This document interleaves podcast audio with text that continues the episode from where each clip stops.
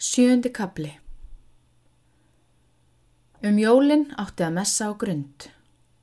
Fólkið höfði gott til að leta sér upp og gleðjast og fræðast við kirkjuna. Þá fóru efri fosshjónin til messu á jóladaginn og fleira fólk þaðan. Frá neðra fossi fóru ekki aðrir en germundur. Fólkið var margt og geðiðist vel að messunni og prestinum en að því dagur var stuttur gáttu ekki viðræðurnar orðið langar. Brandur vildi fara strax en Gróa vildi vera við messu daginn eftir. Þá bað Brandur Geirmund að vera fylgdarsveitn hennar daginn eftir. En Geirmundur sagðist að var aðgjert að koma heim um kvöldið. Brandur hjælt að engin hætt að væri með það Hann skildi sjá um að gera grein fyrir því. Koma við á neðra fossi á heimleiðinni. Geirmundur létt til leiðast. Þau frá fossunum voru nóttina á grund í góðu yfirlæti.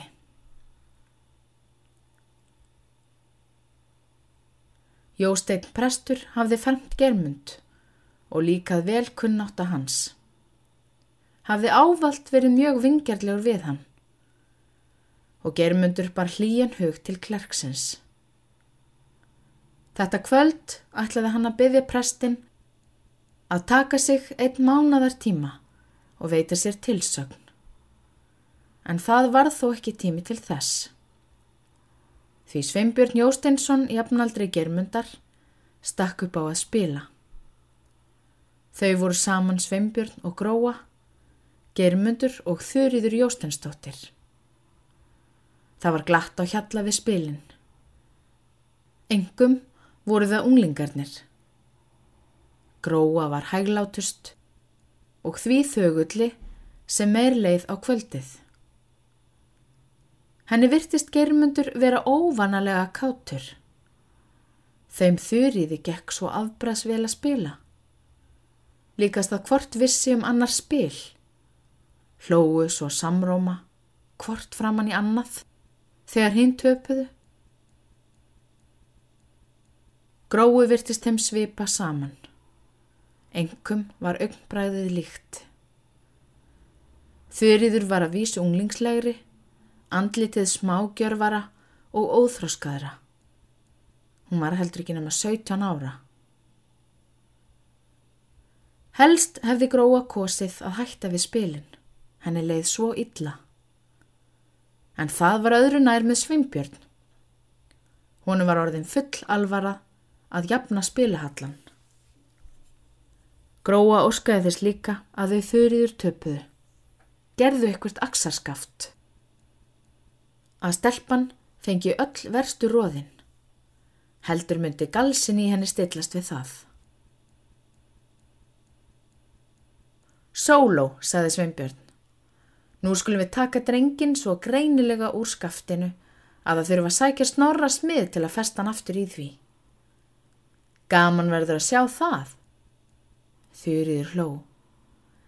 Leit til germundar, resti sig og lagði undir flatt. Eins og snorri var vanur að gera. Sér það ekki fremur vel út, er hann vanur að segja Karl Fugglin. Það er best að sjá hvernig fer. Það er ekki nóg að taka fullan gúlinn þurra litla.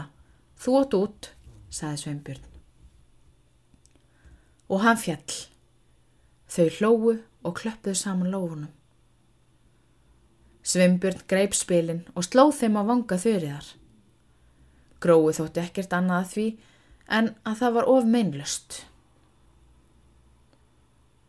Nú fyrir Bjössi að sækja sig. Það er farið að draga í hann. Varaði germundur, nú fer hann að græða blessa ljúmennið.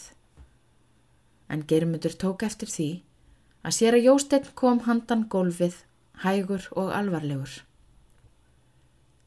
Líka eftir því að það var óvanalegur glampi í augunum á gróu. Andlitið raukt og alls ekki brósandi. Hann sagði ofur stillilega Það er eins og vandir, gengur svona upp og ofan í spilunum. um leið og hann nifti í sveimbjörn. Sér að Jósteinn stóð þegjandi og horfi á hvernig þau spiluði þessi spil. Svo sagðan. Ég vildi nú helst óska eftir að þið spiluðu ekki nema þennan ring. Mér hefur aldrei verið um það gefið að menn spiluðu mikið á stórháttíðum. Nú er komið að háttatíma og fallegast að hætta með sátt og samlindi. Við skulum ekki spila lengi, elsku pappi. Þurriður horfi ástúðlega til föður síns. Hálfum tíma setna var hætt við spilin. Dægin eftir messaði sér að Jósteinn og varð eins og ekki væri undarlegt tíðrætt um Jérúsalem sem gríti spámen sína að blóð þeirra myndi koma yfir borgina, blóð allara réttlátra frá Abel allt til Sakaríesar Barakíassonar sem drepin var millir musteris og alltaris. Germundi þótti ræðan hörð hegningaræða yfir geðinga. Það var eins og klerkurinn væri að hyrta þá fyrir mannvansku þeirra. Jérúsalem, Jérúsalem, þú sem líflætur spámennina. Þessi orð komu hvað eftir annað. Loks fannst germundi allt hverfa annað en þau. Að þau ætlaði að verða sér nokkuð þreytandi. Klerkurinn allt of bundin við þau til þess að ræðan væri vekjandi og skemmtileg. Í kirkini voru engir kiðingar, heldur friðsamir og hóværir menn, sem dáðust að hvað prestinum færist mistarlega að leggja út af Guðspjallinu. Ekki gata hann ráði við þó þá sifjaði. Það var fyrir að hafa farið svona snemma á fætur. Stundum dætt samt unga fólkin í hug að gaman væri að vita hvort ræðan væri ekki langt komin. Og svo litu ungu karlmannir fram í kirkjuna til ungu stúlknanna og ungu stúlkunar aftur inn í kórin til þeirra. Augun leituðu sér staðar Það var ekki frálegt að ræðan virtist verða fremur stittri. Tíminn líða fljótar. Gróa vildi fara það allra fyrsta eftir messu var lokið. Nú varð germundur að ljúka af erindunum við prestinn. Þeir gengu báðir í stofu og þar bar germundur upp bæn sína, þó feimin væri. Í reikningi skal ég segja þér til, germundur minn. Það er gott fyrir hvert mann að gunna fyrstu fjóra reglurnar og margskunar tölurnar. Hverjum bonda nöðsynlegt. En bæði er nú að ég er orðin gamall og danskan breytist mikið. En það finnst mér hún síður nöðsynleg. Það væri þá helst á góðunni, eða finnst þér ekki svo? Jú, ég held að vera einmitt teppilegt fyrir mig. Þú hefur talað um þetta við móður þína, við fóreldrana. Það stendur vist ekki að því. Við mamma höfum ofurlítið minnst á það. Jæja, við höfum það þá svona, germyndu minn. Germyndur rétti presti höndina og kvatti með þakklæti fyrir velgerðirnar. Guð veri með þér, germyndu minn. Sér Jósteinn tók vinsamlega og þétt í höndina. Svo horði hann eftir germyndi meðan hann gekk fram gólfið allt hanga til hurðin lokaðist eftir honum.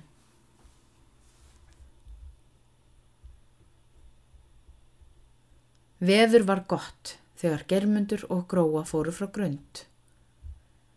Þunn þókuslæða huldi það mesta af loftinu og dró slæðurnar svo til fyrir sunnanblænum að hér og hvar sá í heiðan heiminin. Þau eruður samferða fólkinu frá svartólti en það er næsti bær fyrir utan fossana að vestanverðu í breyðardal. Vegurinn frá grund og þangað fram er drjúum langur svo þá var komið að dagsettri þegar þau komið þangað. Þar býðu þau eftir kaffi og að byrti fyrir tunglinu. Fyrst gengu þau þegjandi suðu frá bænum. Gróa hafði verið fátöluð alla leiðina að utan. En þegar kom suður að gamla stekk, sagði germyndur. Kanski þú viljir þykja að ég leiði þig? Þakkaði fyrir. Heldur verði mér léttir að því. Þú gengur nokkuð hart. Svo varð aftur stundar þögn. Þú skemmti þér vel við spilin í gerkvöldi. Eða var ekki svo germyndur? Þau eru bæði kátt og svo erum við hálgerið kunningjar. Ég held það. Að minnstakosti geti þið fyrir þér hleyið saman. Og já, Sveinbjörn var nú raunar ekki essinu sínu. Ykkur gekk fremur illa og honum þykir meira gaman að græða. Mér síndist hjónasvipur með ykkur þurriði. Þið eruð ekki dólík. Máskið þið verið hjón á endanum. Gróa glotti við og horfið svo fast framann í germund. Eins og hún þó óskaði eftir skýru svari.